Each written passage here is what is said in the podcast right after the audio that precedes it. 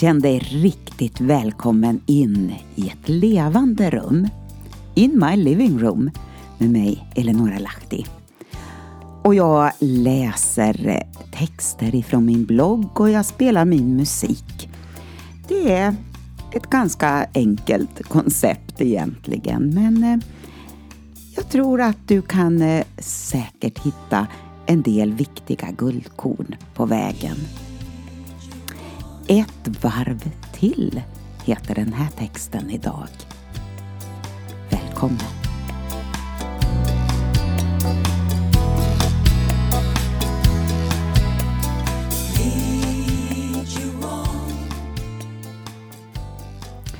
Ja, du vet, det här att göra samma sak en gång till. Men eh, nu vill man ha bättre resultat. Så vad kan det handla om? Kanske du också har målat om ett staket som tappat färg i sommar. Eller så försöker du få till bakningen så inte brödet ligger helt platt på plåten. Man funderar och tänker och söker fakta och bättre förutsättningar för att lyckas. Och våra vardagsbestyr kan nog vara så irriterande och krävande för oss att eh, då är det lätt och tappa humöret. Och ibland måste vi faktiskt titta bakåt för att eh, få nästa varv att lyckas. Och färgen håller så många år till. Och brödet, ja, det blir ju succé. I synagogorna runt om bland familjer i världen så börjar man nu om, än en gång.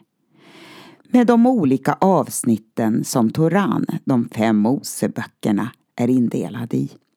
Ett avsnitt för varje vecka. Och under några år har jag hängt med i den här bibelläsningsplanen samtidigt som jag även läst alla de andra böckerna i bibeln under året. Men så var det nu slut idag för att börja ett nytt varv. Dagen kallas för Simchat Torah. Och sista kapitlet i femte Mosebok, Toran, och sista kapitlet i Malaki, som är Gamla testamentets sista bok.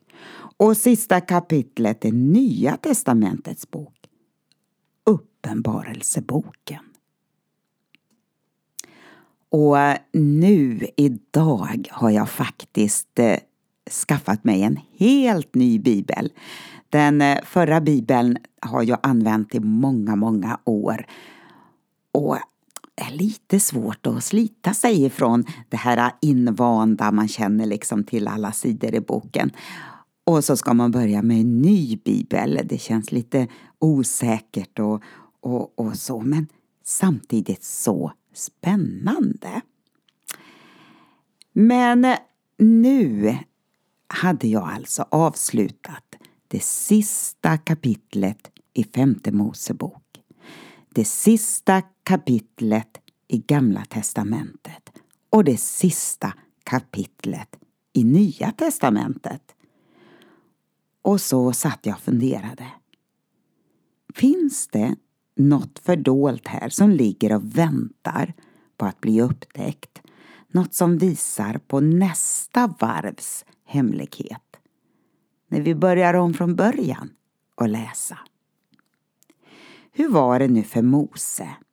Han som kallades Guds vän och fick umgås med honom ansikte mot ansikte. Han står på berget Nebo och ser in i landet som Gud lovade dem. Men Dessförinnan hade han sjungit sången om deras historia och profetiska framtid samt välsignat alla stammarna. Han är nu 120 år och lika stark som när han var ung.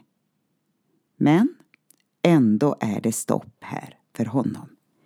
En ny generation ska ta vid och Josua blir deras härförare Så snopet. Och Mose säger Tänk nu på alla de lagar som jag har gett er idag och låt era barn få del av dem. De är inte vanliga ord. De är liv. Genom att lyda dem kommer ni att få ett långt och rikt liv i det land ni nu ska ta i besittning på andra sidan floden Jordan. Ja, Mose, han vet hur viktig lydnaden är. Det var ju precis här han en gång misslyckades och det fick sina konsekvenser. Att inte få komma in i landet. Men du, han var ändå Guds vän. Så har vi Malaki som avslutar de hebreiska skrifterna, Gamla testamentet, innan en profetisk tystnad på 400 år inträffar. På väg in i en ny tid klingar orden från de gamla fäderna som en uppmaning att hålla kursen. För nu väntar oroliga tider när frälsningsplanens dolda mysterium ska börja uppenbaras i en tid där de profetiska orden om bland annat hur kvinnans säd ska krossa ormens huvud, hur det ska börja uppfyllas. Och här i slutet på Malakis bok står det Kom ihåg min tjänare Mose lag, stadgarna, föreskrifterna. Se, jag ska sända profeten Elia. Han ska vända fädernas hjärtan till barnen och barnens hjärtan till fäderna så att jag inte slår landet med tillspillogivning. Tidigare generationer och kommande generationer genom tidernas sekler ska finna vägen tillsammans. Här ligger mycket fördolt efter vägen under stenarna och myllan från de århundraden av ersättningsteologi och oförmåga att lämna människoärvda traditioner. Den ädla roten tillsammans med de inympade grenarna ska få växa samman. För något händer när de som fruktar Herren samtalar med varandra. Ja, det finns många stenar att lyfta på.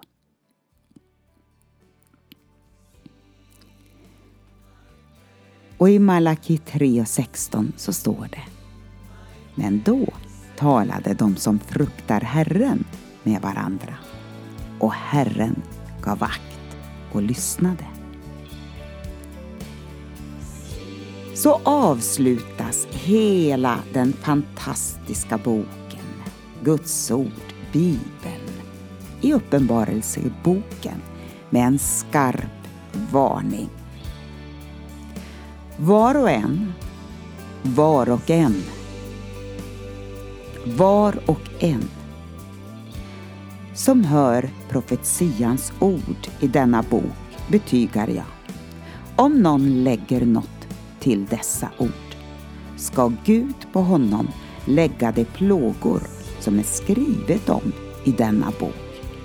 Och om någon tar bort något från de ord som står skrivet i denna profetias bok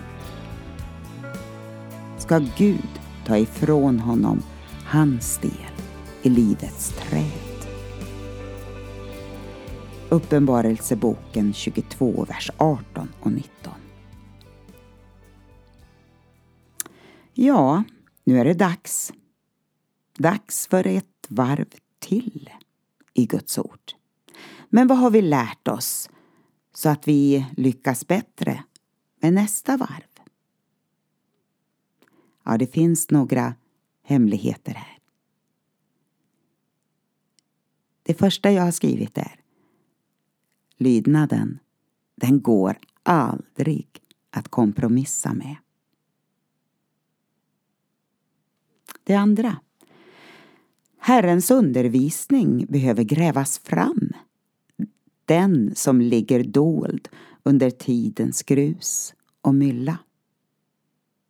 Och sen, inte lägga till, inte dra ifrån för att få del av livets träd. Det finns ett gammalt judiskt ordspråk som säger Fädernas gärningar visar sönerna vägen.